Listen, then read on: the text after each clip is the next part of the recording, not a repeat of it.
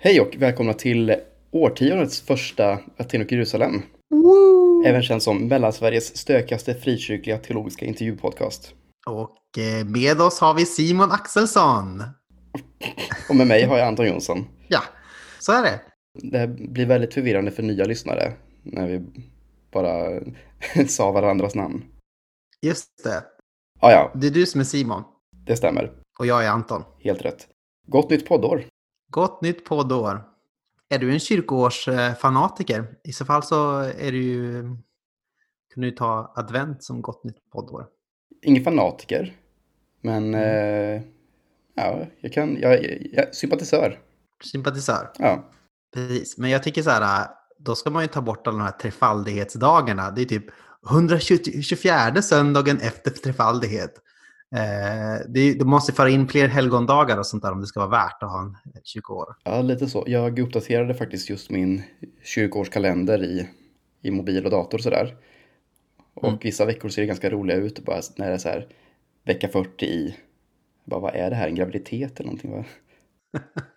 Men, eh, Och när trefaldigheten är fullgången så föder den synd. Nej, eh, något annat.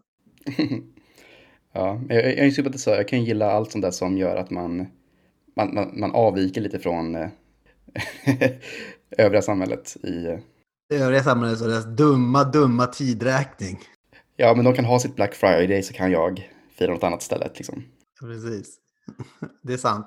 Tänk om, om frikyrkan är så adaptiv så att vi kommer ha typ så här Black eh, Friday-firande på söndagar snart. Och det kommer säkert komma någon kyrkoperson på Twitter som eh, kommer lansera Blackest Friday på långfredagen. Ja, hemskt. Eller sån här Google-person som bara, vi måste get with the times. Åh, Google-personer som ska get with the times. Ursäkta, en, go en Google-person. Okej, jag ska inte säga, det finns en Google-person i EFK som brukar komma och säga att man ska get with the times och bli mera tekniska. Och jag är mer så här, upp, jag är mer elulian och eh, illishian så att jag tycker ju att eh, all teknik eh, är väldigt hyperskeptisk mot. Typ. Jag bara råkar använda den ibland eh, som en pilgrim och gäst. Ja.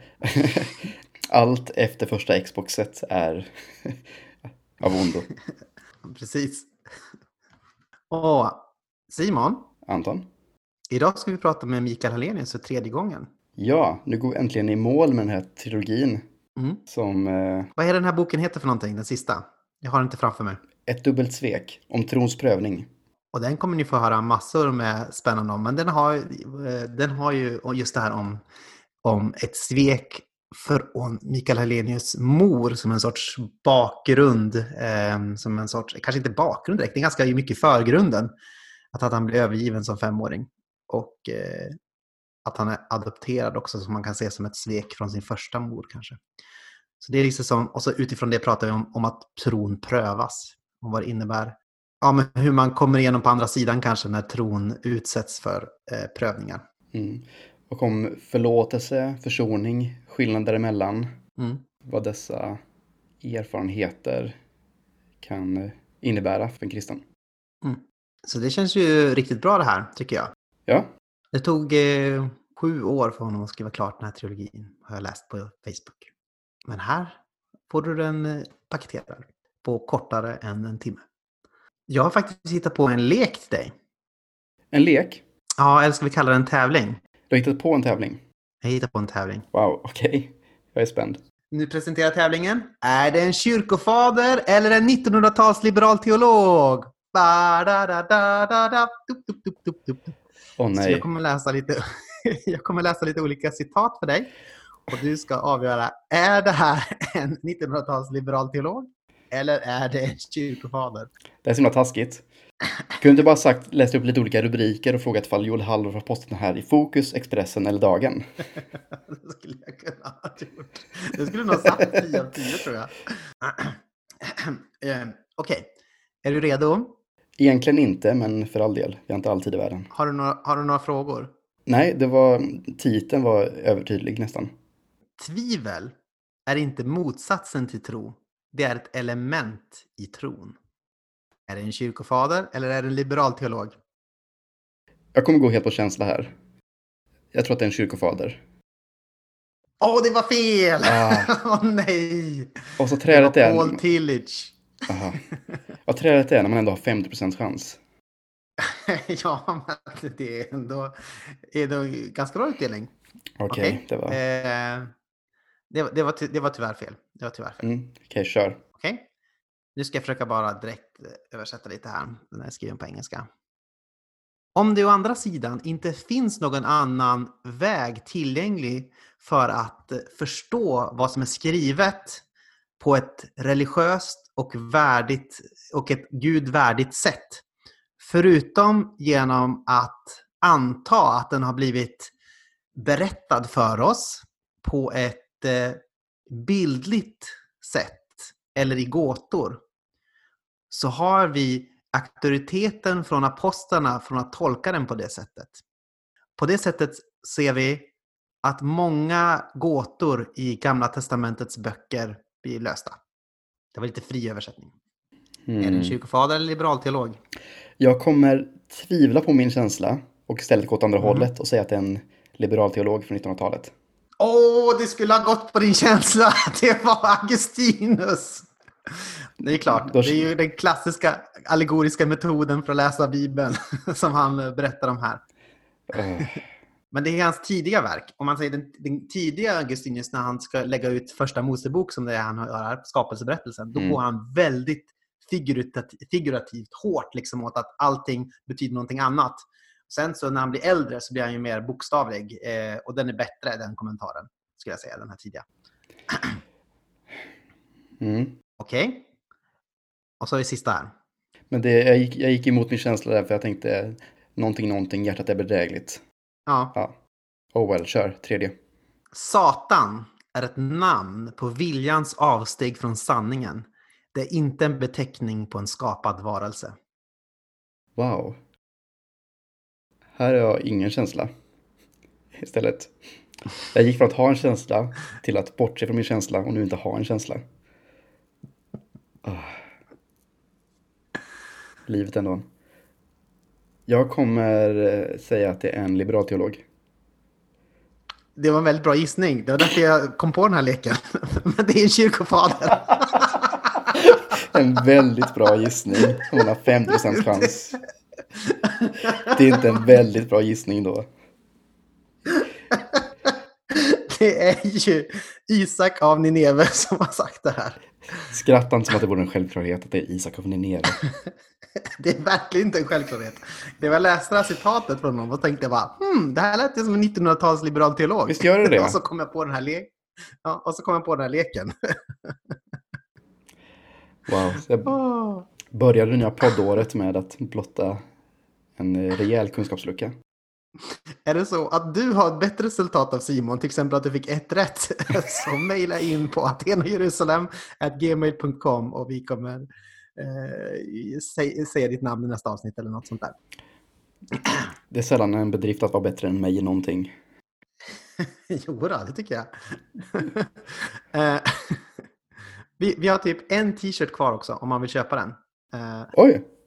säg att du fick tre av tre rätt. Eh, då kan du få den t-shirten, tänker jag. Och du mejlar in. Och det är, det är hederssystemet som gäller här. Om du vet med dig att du egentligen hade fel, då ska du inte ta en gratis t-shirt. Och du skulle väl inte ljuga för oss? Och med de orden om att du kan vara bättre än Simon på att skilja liberal från eh, kyrkofad så går vi in i årets första avsnitt. Vi, vi lämnar det här rätt in nu. Hej då. Hej då.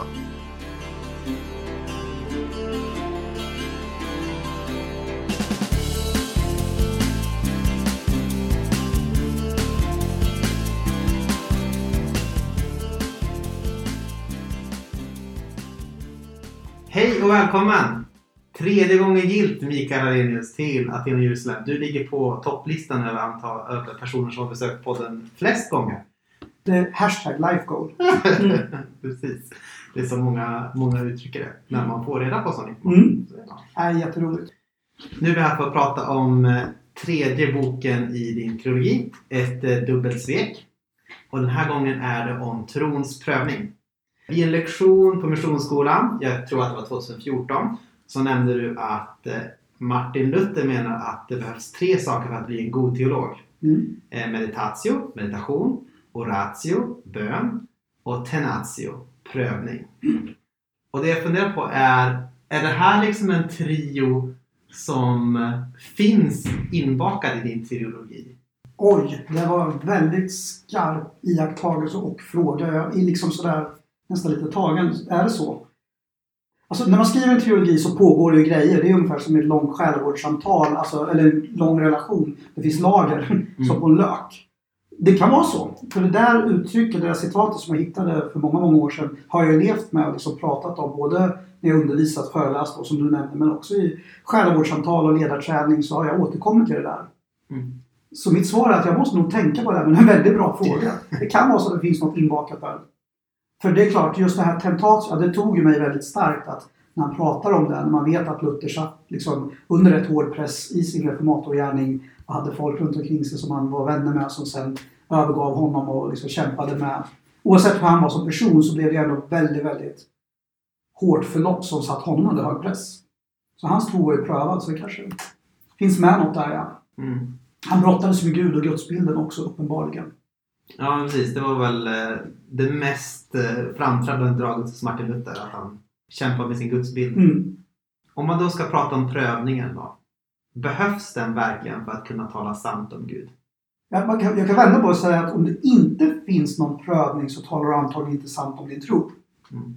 Så skulle jag, jag skulle vända på det. Mm. Därför att om du bara lever som troende i den här världen några minuter så världen är konstruerad som efter fallet att vi möter sånt som prövar tron. Eh, varje dag så finns det sånt som kan göra oss till ateister och alla människor bär med sig någon sån här svart sida i boken eller mörkt rum som ingen har lyst upp. Alltså det finns där, tänker jag. Mm. Och om du tror och bekänner Jesus som Herre och vill leva liksom, som lärjungen, det är klart. Förr eller senare så bara stöter du på något som trycker på utifrån. Prövningen gör det, den trycker på utifrån. Mm. Så nej, alltså måste. Så det, att det, det finns där. Och för säger man att det inte finns då att tron blir osann. Just det. Tänk på typ eh, Johan, första Johannesbrevet 1. Mm. Eh, känns lite grann som att det Ja. pekar mot. Mm, precis. Och nu kan jag inte det i huvudet men vad är det? Om vi säger att vi inte har synd så ljuger vi och, eh, Vi drar oss själva. bedrar oss själva. Mm. Mm. Om vi inte har prövning så ljuger vi om tillvaron och bedrar oss själva. Kanske. Ja. ja, men lite så.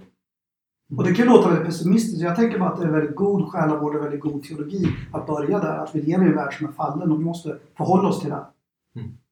Du har ett väldigt personligt anslag i hela den boken. Och en sak som återkom till ibland, du identifierar i boken starkt med Kain, brodersmördaren. Mm. Varför då? Dels är det en vana, det tror jag märks i mina andra böcker, att jag lever ju med bibelord som jag liksom tänker mitt liv utifrån. Jag brukar ju säga, ja, men alltså, tror jag jag talar i linje med Guds ord om sitt liv.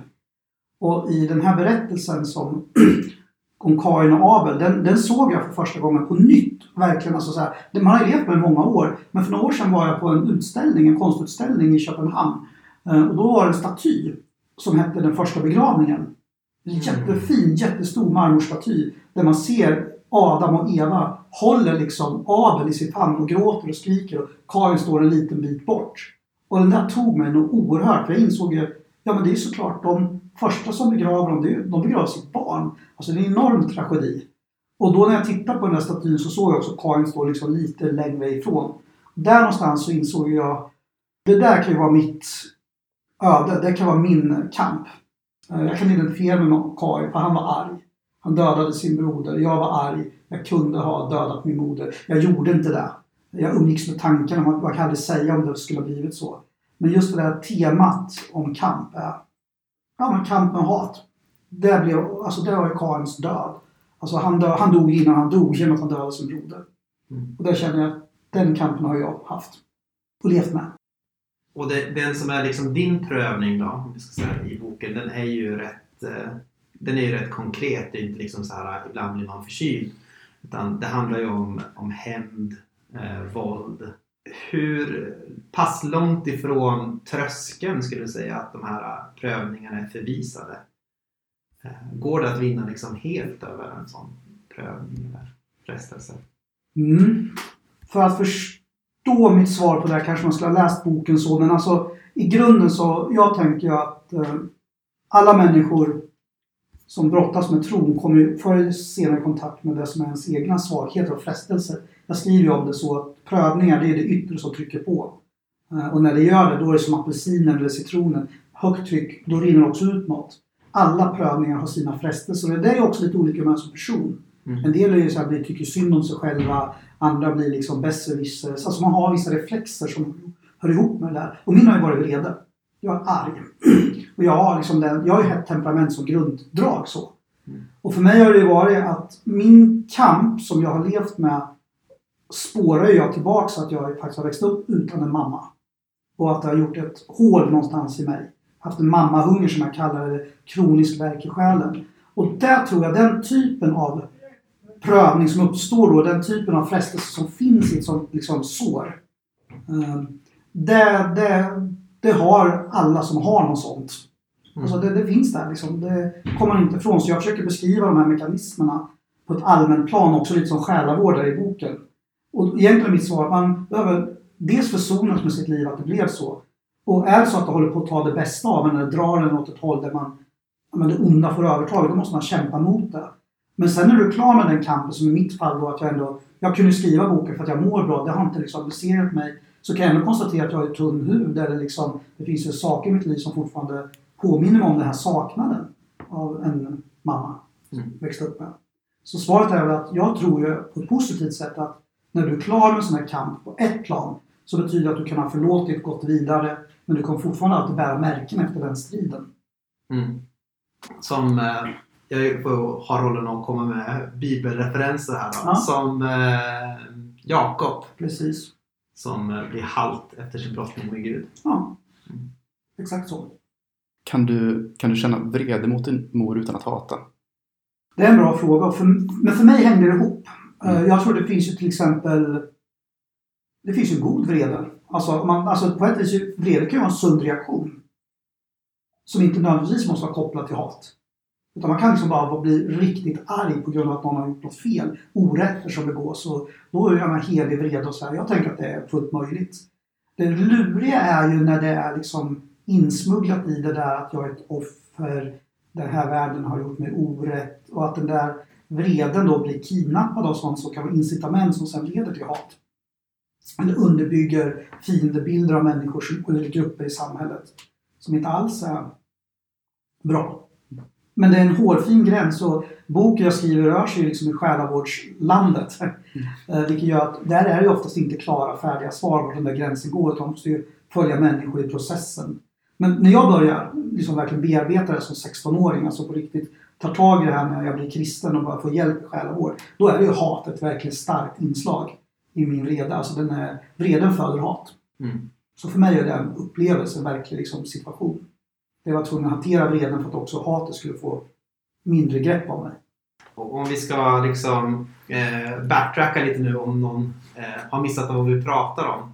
Så kan man väl säga att eh, en, den personliga liksom, grundberättelsen som eh, finns i boken är ju att du först då är adopterad från Colombia. Ja. Eh, som man skulle kunna tolka som ett svek eventuellt. Liksom från det första sveket då.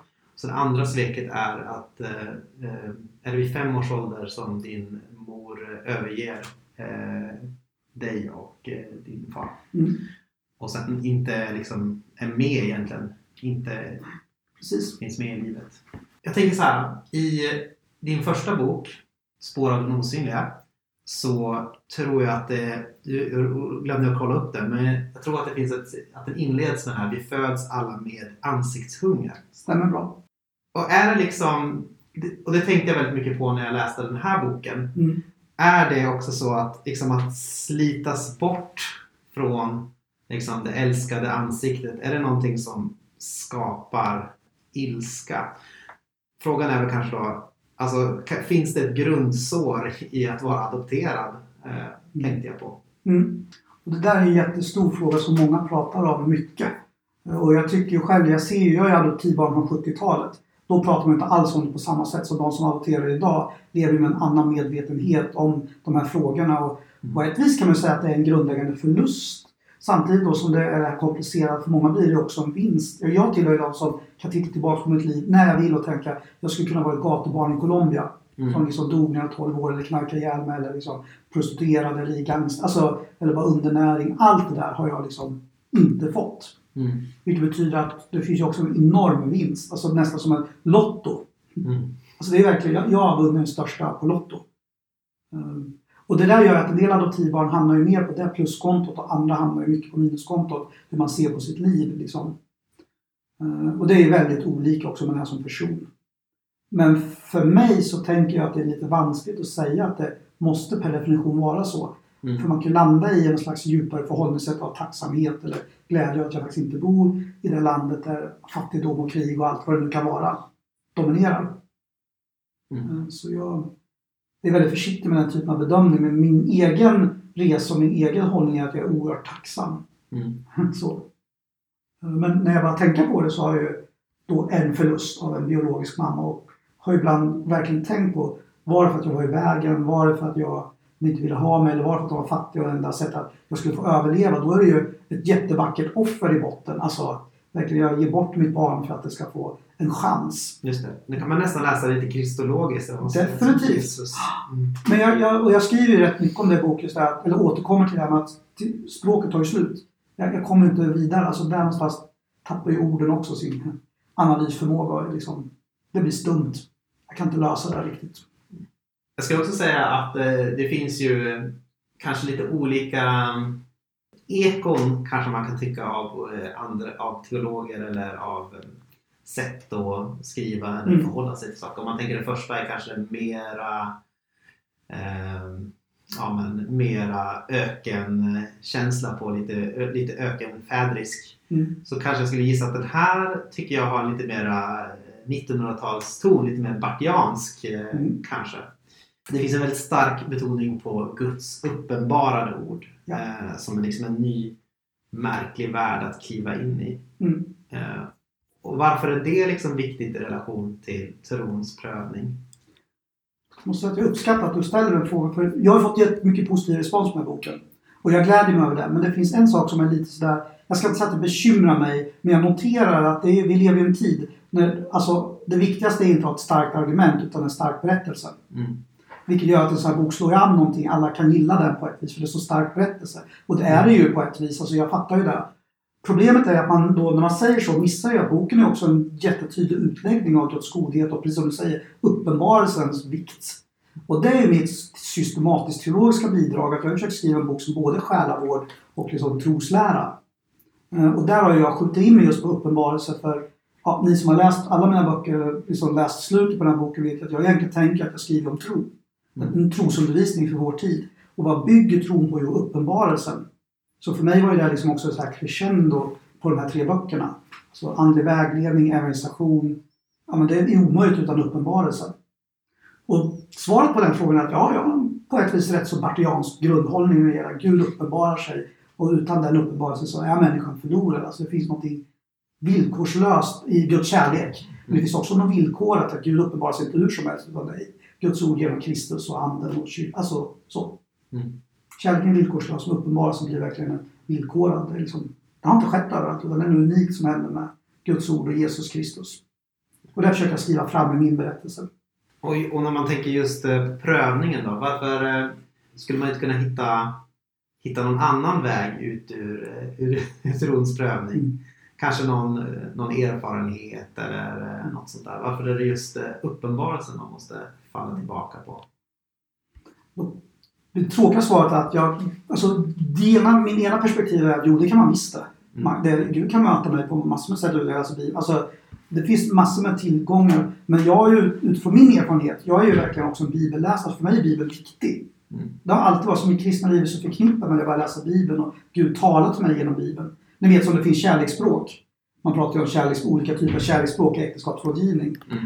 Eh, Så de andliga språken är egentligen lika. Alltså det finns sådana också. Hur möter jag Gud? Och för mig är ordet det centrala. Mm. Jag har ju män- människor och kompisar som är mer kontemplativa. I meditativ bön möter de Gud starkast och så här. Någon i lovsångsbruset och så här. Men för mig har det alltid varit bibelläsningen. Och där märks ju i den här boken. Det är liksom... Det är ju så jag har levt mitt kristna liv. Mm. Eh, Och tron bygger ju på predikan och predikan bygger på Guds ord. För mig har det varit viktigt, den kopplingen. Så jag tror att det går på andra sätt, men när jag skriver min berättelse så är det så uppenbart att det är det här som har hållit mig. Bibelorden. Kan förlåtelse skiljas från försoning? Det är också en bra fråga. Rent pedagogiskt, när man skriver om det så här så tror jag det finns en poäng med att göra just det som vi gör i boken. Att förlåtelse är att liksom släppa taget om händelse, liksom rätt till revansch. Alltså att från min sida göra något aktivt och säga jag släpper dig. Eller jag släpper den här situationen, jag låter det du gjorde mot mig som orätt inte betalas tillbaks med hämnd. Alltså det är ju, och då tänker jag att försoning i mitt fall hade ju varit en upprättad relation, att jag och min mamma hade fått en bra relation.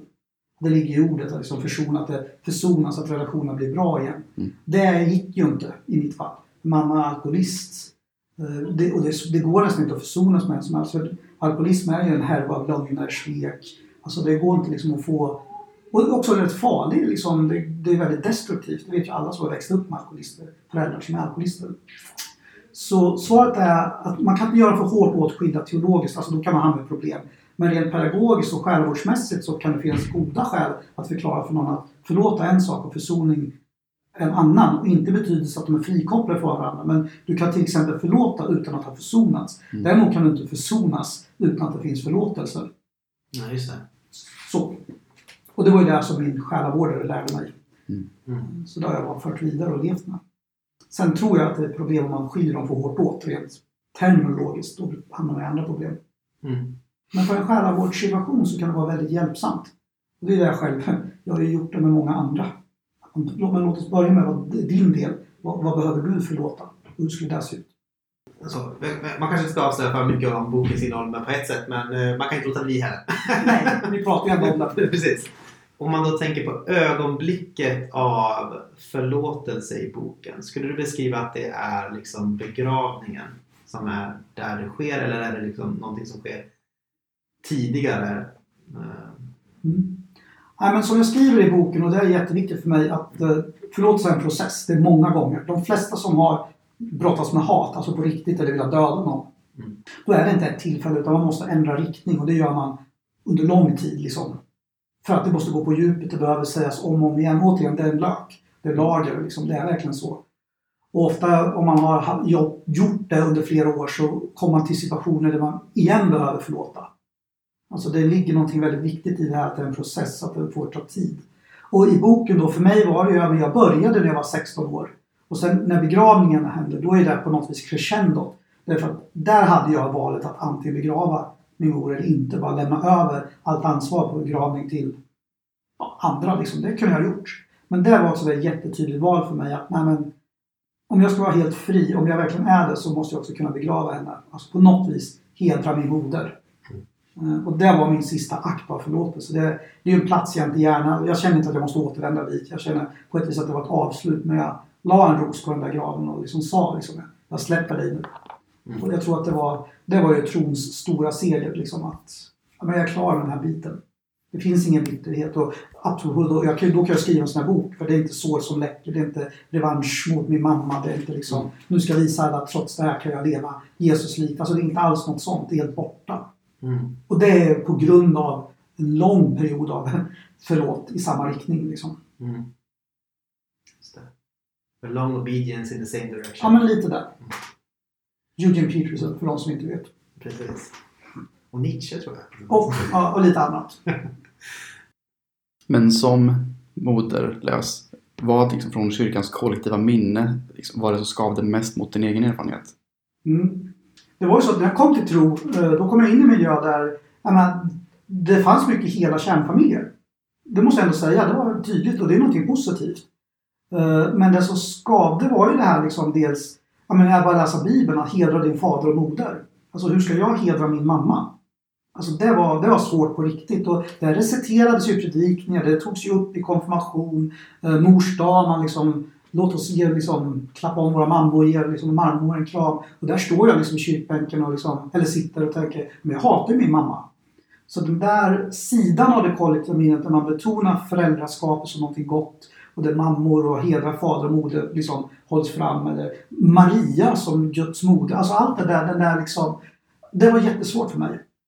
Eh, Och jag drar ju slutsatsen väldigt fort att det är inte så att kyrkan måste sluta med det för att det ska, utan det måste finnas en annan lösning. Eh, Att min hel bild av Gud som en god förälder behöver upprättas. Mm. Det är inte så att det kollektiva minnet är fel på, på det här sättet. Att det tvingar in mig i ett sår som om alla bara slutar prata om att vi ska hedra vår far och moder så är det löst. För det är ju inte så det är. Utan det var istället en påminnelse om att det finns något väldigt viktigt av en process här att vad vi brukar kalla helgelse. Att man blir helare, att man lever. Om man förlåter i samma riktning och troget så kan man också bli helare utifrån det. Så jag är tacksam för det kollektiva minnet som mötte mig och jag skriver om det i boken. Att det är det här jag möter där. Och det sätter mig på rätt spår, även om det skadar. Jag tror inte att skav är problemet. Det kommer alltid skava. Eh, Amen. ja, men, eh, det, det, det jag kommer tänka på det apropå du ska, du ska hedra din fader och din moder så att det må gå dig väl. Är det liksom det som vi också ser i boken på något sätt, alltså den här uppenbarade sanningen, du ska hedra din far och mor och liksom trons kamp att faktiskt göra det som tar slut eller som på något sätt får sitt crescendo vid med rosen i, i graven. Mm. Ja, men det, det är en god sammanfattning, det tror jag. Vad bra, då behöver jag inte säga något mer om det. Ibland så är det så att del som läser ens böcker förstår mig bättre än en själv. Du blir ju i farozonen för det Anton. tack, tack, tack. Mm. Hur känns det att liksom ha gått i mål nu med den här trilogin? Det började 2016 med Mm. Spåren osynliga. Ja. Sedan Det överflödande hjärtat. Mm. Och nu ett dubbelsvek. Ja. Känns som att du har lyckats skriva ut det du gick in med i eller hur har det förändrats med tiden eller hur, Mm. eh, hur, eh, hur nu, hur du ser de här liksom framför dig, den här Ja. trilogin. Mm. Vad, vad är din, din egen sådana bedömning om hur? Mm. Det, det som är i sista kapitlet i min sista bok så skriver jag lite om trilogin för att det passar tänkte jag. Och då är en av sakerna jag konstaterar att det började ju inte som ett projekt med tre böcker. Utan det började ju som ett projekt med att skriva den första boken om andlig vägledning för att jag hade sysslat så mycket med det. Och ledarträning så jag ville liksom sammanfatta det. Plus att den första boken är ju också en revansch på alla akademiker. Jag hade precis skrivit klart min doktorsavhandling och när jag började med den så att jag är så trött på akademisk typ av text. Mm. Så jag vill skriva något helt annat och vad är bättre än att gå ökenfäderhållet liksom. Det är så långt ifrån den andra genren. Men när jag höll på med den och liksom gjorde den klar så, så kände jag här finns ju fler böcker. Och jag har hållit på innan med egentligen en bok om organisation som jag aldrig skrev. Eh, och då pratade jag med mitt förlag. Och då sa jag, "Ja, men vi kan göra en, jag sa till dem att jag kan göra en trilogi. Eh, därför att jag ser att jag kan göra en organisation och sen en om trons prövning. För då har jag material eller liksom så till. Och då sa de okej, vi kör. Och den, det jag först och främst känner nu är väldigt tacksamhet för förtroende från förlaget. Mm. Att tro på det, att liksom ge ut en teologi om tro i det här formatet, det är ju verkligen, jag är oerhört tacksam. Och det är liksom lite min grundgrej, att jag känner väldigt tacksamhet att ha fått suttit och skrivit. För jag har ju två arbetsgivare också, Mötesplatsen och Akademi för ledarskap och teologi. Och i båda de tjänsterna så har jag haft utrymme i min tjänst att skriva. Så. Och det har ju varit väldigt fint att få göra det. Så att få sammanfatta sin egen undervisning om tro och vad som är viktigt, det känner jag tacksamhet för. Sen så var det ju så att projektet växte ju ändå fram. Alltså boken om organisation var ju lättare att skriva. Eh, därför att den var mycket från hjärtat bara rakt ut i fingertopparna. Det kändes verkligen så. Det är så hjärt, liksom. Medan den här var ju svårast och det är bra att den kom sist för att jag ju... När jag skriver mest om mig själv, alltså i, ett dubbelsvek är ju väldigt, väldigt personligt. När jag skriver mest om mig själv så måste jag skriva minst som mig själv, brukar jag säga. Det vill säga att jag skriver egentligen väldigt skönlitterärt i långa stycken. Och det är ett sätt att liksom lägga ut avstånd och det kräver lite mer. I alla fall för mig. Eh, Så det är jag också glad för när jag tittar tillbaka på den här trilogin, att jag fått erövra olika sätt att skriva. Eh, Den första boken är mycket mer stram, alltså så här liksom väldigt pregnant. Det var ju någon som sa att det skulle behövas 300 sidor bok för att packa upp det som finns i den. Mm. Och jag kan kanske tänka att så är det nog. Den andra är mer det här raka tilltalet, väldigt evangelistiskt. Den som var enklast för mig på ett vis att skriva. Det är liksom så mycket jag på ett sätt. Den här sista, att få träna det här mer skönlitterära anslaget som jag ändå tänker att det är. Det har varit också en väldigt bra skrivträning för mig. Sen tänker jag bara att trosundervisning behövs idag. En ny typ av trosundervisning. Särskilt eh, de sista sidorna har ju väldigt starka skönlitterära eh, drag. Så. Mm. De uppskattar jag. Tack hemskt mycket. Mm. Ja, jag jobbar mycket med det så jag hoppas det. Mm. jag tänker att om man jobbar mycket med text på det här sättet så får en längre hållbarhet också. Så det finns något lite mer så här tidlöst med sånt här skönlitterärt skrivande. Alltså det, man målar fram bilder som berör och liksom står lite utanför. Mm. Så tid och rum på ett sätt. Nej, men tyckte jag gick fram. Jag har också verkligen uppskattat eh, liksom anslaget och tonen och språket i den. Så, Mm. liksom, så först så, sen läste den första gången, det var liksom verkligen så från pärm till pärm. Mm. För att det, det passade så bra att läsa så. Och sen gå tillbaka sen och se, Mm. okej, vad var det här nu då? Mm. Lite. Mm. Ja, men ja. Ja, men det är lite kul att säga det, för jag tänker att det, det ska vara en bra läsupplevelse, men att det också ska vara god teologi. Liksom, att den går att läsa på så sätt. Mm. Och jag märker att de flesta som hittills har kommenterat och gett positiv respons tar ju fasta på den starka berättelsen och själva läsupplevelsen. Så jag tänker att, eh, vill du ha in... Du vill jag ska säga något om innehållet. nej, det gör jag inte. Jag tänker att en trojansk häst, man får båda. Ja, precis. ja, precis. Det är det häst. Jo, nu kommer jag att tänka på det. Det här, eh, nu ska jag bara namedroppa alla syriska fäder som jag läser. Eh, Äntligen! jag läste... Det är bra att du får outlet för det där. Precis, jag läste Isak av Nineve nu. Mm. Eh, och det som slår en väldigt starkt med det här, det är att det är en sån oerhört liksom, stark tro på Guds försyn Mm. och Guds, eh, ja, men Guds godhet. Alltså den som, den som eh, eh, lever i bön kommer se att Gud alltid liksom förser för dig och alltid är god mot dig. Liksom och, så här. och så tänker man så här då, då kan man ju tänka så här så på 2000-talet att eh, vad, vad snackar han om? Det är ju inte alls så, så lätt att se att Gud alltid är god eller att Gud alltid förser. Och så tänker man ett varv till och så tänker man ja men han levde ju på antiken när liksom livet sög för många och han var eremit och bodde i en grotta. Det måste vara så. ja, men det kan inte varit så kul att vara eremit ändå. Och antagligen att man inte ens hade liksom paraceta, paracetamol så att man liksom kunde eh, liksom driva lite verk bort från kroppen. Liksom. Så, så då måste man vara Ja, men det är det som är, det är, det som är frågan. Alltså hur, hur kan man vara så hur kan man vara så förvissad av Guds godhet och Guds, att Gud liksom faktiskt aktivt liksom leder med sin försyn eh, i liksom sådana omständigheter? Vad, tror du, vad, är din, vad är din take på det? Min take på det här med Guds godhet och försyn och den här världen. Ja. Mm. Nu är det ett tråkigt svar, men det är, det är min första bok. Det är delvis svar. Alltså det gäller att träna blicken. Mm. Så jag tror på riktigt att Gud är god och att vi kan upptäcka Guds godhet. Men vår blick är grumlad. Den här världen vi lever i gör att vi ser som en dimma. Och klarsyn, andlig klarsyn är en av nycklarna. Och det är, jag håller med dig. Jag gillar också mycket av de här fäderna har läst. Och framförallt Efraim Syrien har ju varit viktigt för mig. Mm. Cool. Ja, Också för att han dissar grekerna så mycket. Det är lite Mm. roligt. vi behöver inte fastna i det här träsket. men, men också alltså, att teologi är poesi. Mm. Och det har hjälpt mig. För mycket handböcker och läroböcker på utbildningar och mycket teologi skrivs ju väldigt sådär rätt torrt skulle jag ändå säga. Mm. Och jag tror att just det här med skönhet eller skönlitterär eller poesin det har någonting i sig som gör att vi också öppnar oss för det goda. Mm. Det tror jag verkligen. Och Efraim Syn är ett exempel på det. Jag älskar hans paradissånger. Liksom han Mm. öppnar upp liksom, de första tre kapitlen i Första Mosebok på ett sätt som är helt... Det är den bästa Första Mosebok-kommentar jag har läst. Mm, det är bra. Jag har den hemma. Mm. Så, Så, och då, då tror jag det finns någonting i det där att svar på din fråga om hur man gör det är att man tillägnar sig det goda, alltså ta emot det. Jag tänker att det är så grundläggande på riktigt enkelt. Och det betyder inte att man kan tvinga någon att göra det, men jag tror att det finns alltid den möjligheten att göra det. Ja men precis. Och det är väl också den som älskar det som är skönt kommer upptäcka Gud. Kanske då. Ja, absolut. Mm. Men det är inte självklart att allt som är vackert leder rätt. Nej. Så är det också. Det vet vi från otrohetsskandaler och allt möjligt. För att bara för att någon är snygg och man gillar... Alltså det, det kan ju leda helt fel. Mm. Skönhet kan ju bedra. Eh, Men i grunden så finns det något väldigt djupt nedlagt i skapelsen och vem Gud är som handlar om att det som är vackert, alltså det lockar fram det, vår också medvetenhet om det som är brustet i conpunctio, alltså egentligen. Mm. Då är vi återigen inne på den där. Det finns en lidelse och en smärta som ändå öppnar upp oss för det här.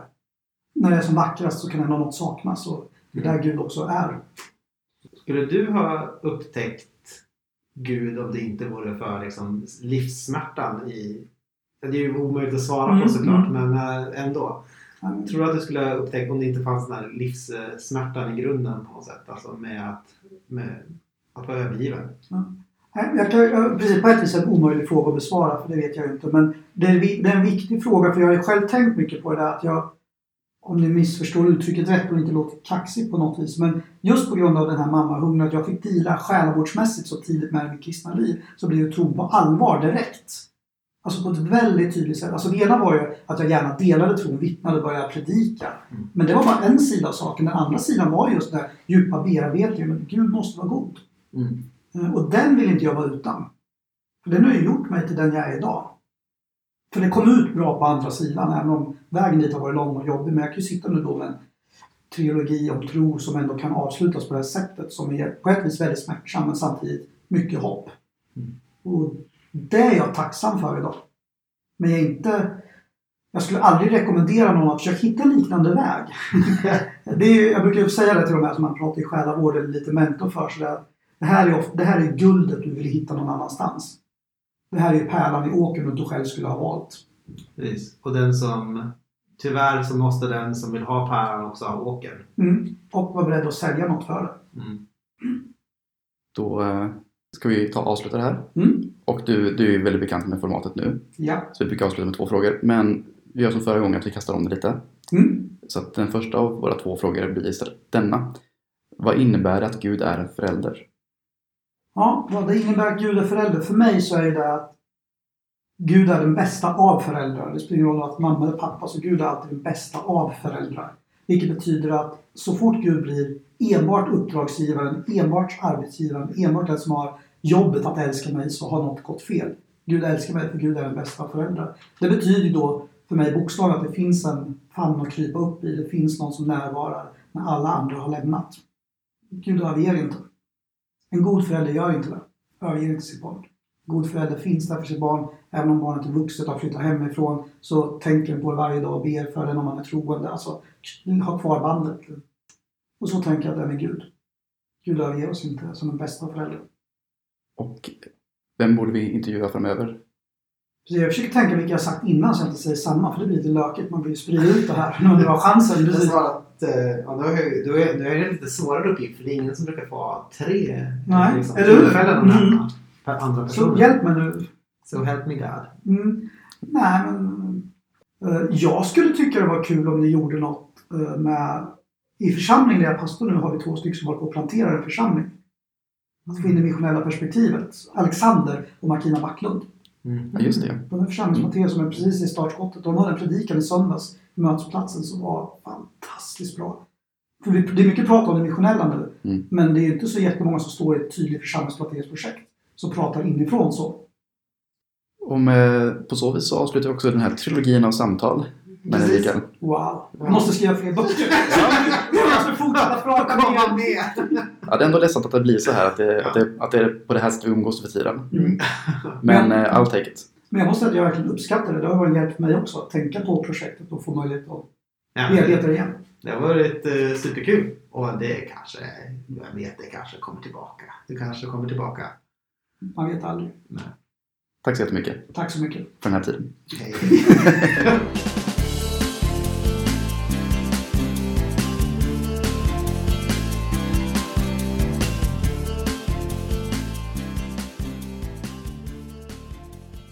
där då. Det må vara nytt år, men vi fortsätter på samma sätt som tidigare. Vi, nu är det dags för vårt sedvanliga eftersnack. Och nu är vi liksom äntligen i mål. Eh, Mikael är i mål med sin trilogi av böcker och vi är i mål med vår trilogi av samtal. Mm. Det börjar först med Spåren den osynlige. Om eh, andlig klarsyn och ledarskap. Ja. Och Det överflödande hjärtat om evangelisation. Och nu till slut Ett dubbelt svek om trons prövning. ja. Bra sammanfattat. Ja, sammanfattat samma. Det var ju bara redogörelse. Men eh, jag, kan, jag kan ju säga som så att jag i mina, typ som rubrik för mina anteckningar som jag hade när jag läste boken. Då skrev jag liksom längst upp där, Mikael Hallenius 3. Som att, och, sen, som att, Mm. och då ser det som ut som en, som att det vore en filmtitel liksom. Och så bara skrev jag nu, this time it's personal. Och sen bara, ja. Kul. ja. Åh, vadå? Det stämmer ju, för det är den mest personliga boken i serien. What, what? ja. ja. Bra jobbat. Ja, jag, jag, jag småflinade lite åt mitt väldigt torra skämt när jag skrev ner det där. Ehm, men man kommer inte ifrån, det är ju en otroligt personlig berättelse. Mm. Och här tycker jag att hans eh, sätt att uttrycka sig, att hans sätt att skriva på liksom kommer liksom lite full blom på Mm. ett sätt. Med många väldigt målande beskrivningar, liksom ungefär som att ja, men, hon gjorde mitt liv sprängfyllt med sin frånvaro. Och andra bevingade ord. Nej, men eh, jag håller med.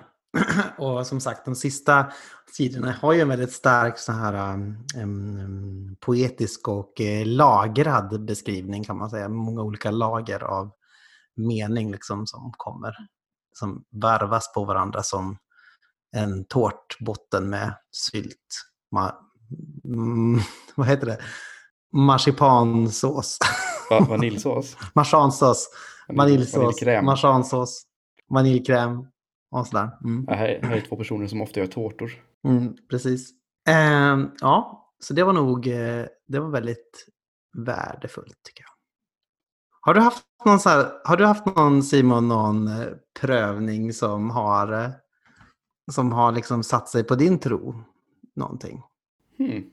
Bra fråga eh, och rimlig fråga i sammanhanget. Ehm, boken har ju ett väldigt tydligt, ett väldigt tydligt exempel. Eh, det jag kom på på, på det raka arm är mer av, av den här lågintensiva sorten. Liksom, erfarenheten av att växa upp i ett kristet hem, växa upp i församling och sen någonstans på vägen göra tron till min egen eh, och sen eh, bara den vanliga erfarenheten av att tvingas liksom, stöta och blöta med andra erfarenheter och intryck. Ehm, Det var lite vagt, Ja. lite vagt tycker jag. ja, det, det, det, jag, det, jag, jag vet det är fruktansvärt vagt. eh, Men, nej, men jag har ingen så här, jag kommer inte på någon tydlig händelse. Jag, jag är, jag är väl uppenbarligen väldigt välsignad från eh, dessa liksom, Favör. Ja, för, Ehm, jag tänker så det knakar, tror jag i alla fall. Eh, har, Jag har ingenting. Jag har inget knak. Nej, nej, men jag tänker att en sak som kan vara så här, tron, trons prövning är ju eh, kanske när man jobbar i församling och eh, det finns, om det finns en massa med konflikter eller liksom bråk och sådär i det, eller om det liksom det tänker jag, det kan vara ganska, sätta sig ganska hårt som en prövning så, som är för att just för mig så betyder ändå kyrkan någonting i, när det kommer till min trosutövning och när det kommer till vad jag tänker är sant om Gud och sådär. Så att, eh, ja, men det kan nog vara en sån, när det, när det finns sådana händelser. Så det kan nog sätta sig lite grann. ja, Får man så här, tänka bara på, fundera över hela premissen liksom. Det blir som en prövning på tron och sådär. Som kan vara, mm, Jo, men det förstår jag. Jag kan ju liksom kunna radda upp en... Jag kan, skulle kunna liksom räkna upp en hel radda med kanske eh, besvikelser eller liksom perioder av tvivel eller frågor och sånt här. Men det är också heller liksom... Jag vet inte. För, Det är inte liksom, yttre hot. Nej, men för mig liksom, när, liksom, när, när saker och ting händer till exempel liksom, som eh, egentligen är ett brott mot vad Gud tänkte med, med livet.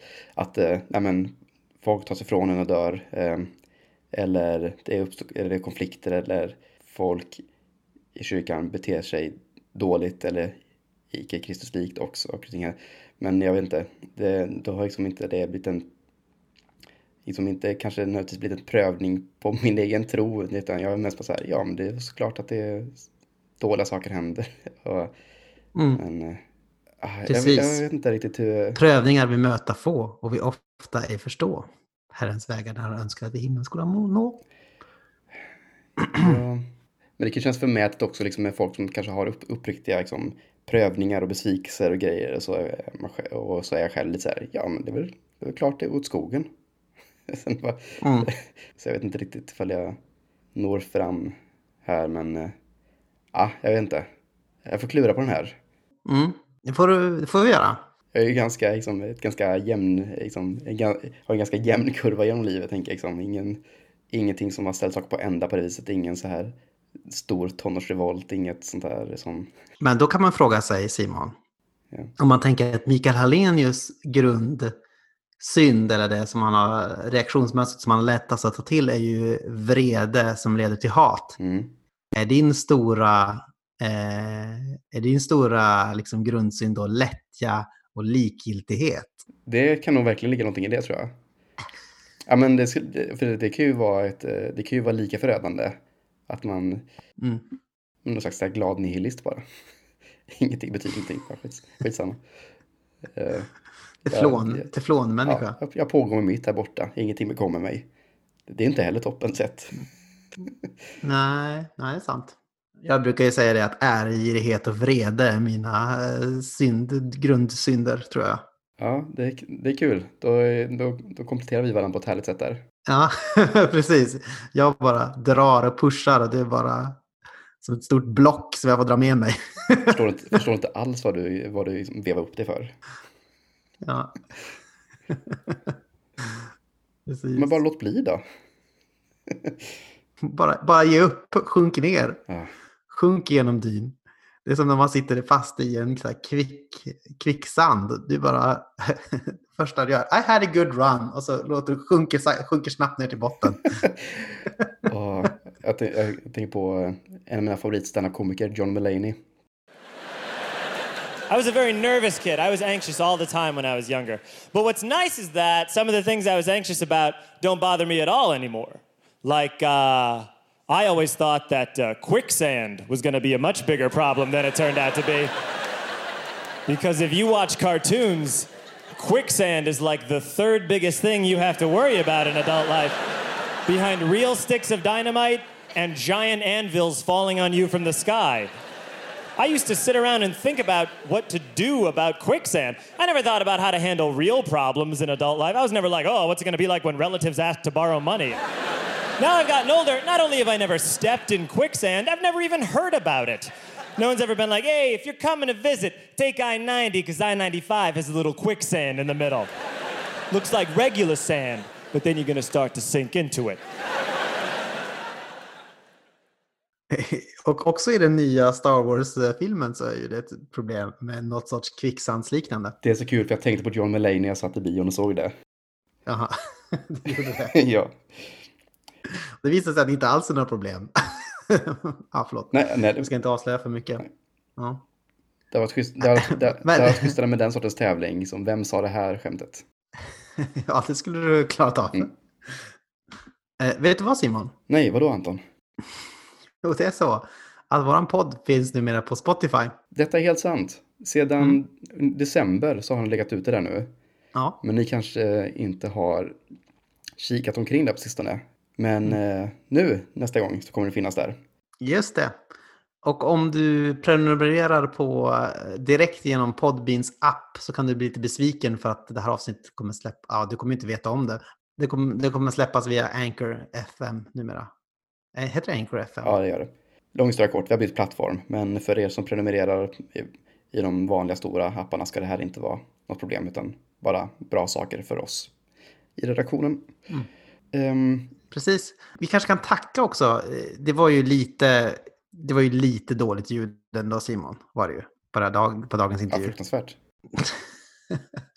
Och det, vi har inte riktigt... eh, Det blev lite strul med vår fina utrustning som vi har köpt in.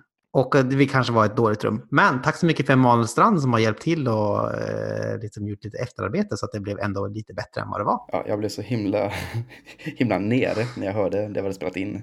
Så stort Mm. tack till Emanuel som orkade ta sig igenom det där. Och, eh, Ja men Simon, jag tror att du allvarligt, jag tror att det var det närmaste du hade att typ avsluta podden eh, hittills.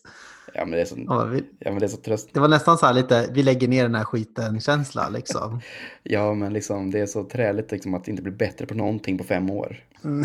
Och sen också lika träligt att det här är ett problem som du bara, ifall man bara kan slänga pengar på det så är det borta. Men det har vi inte. Men vi slängde pengar på det, det löste, löste inte problemet. Nej, men vi har ju fortfarande inte egna mickar. Det får, måste ju fortfarande låna. Vi bara, vi har ju vi har en del av paketet. Om du tycker att vi ska lägga ner podden, skriv ett mejl på atenajerusalem.gmail.com. I alla fall, vi har kommit i mål med den här uh, trilogin. Mm. Tron kommer, din tro kommer att utsättas för prövning. Du behöver hitta ett ankarfäste för din tro.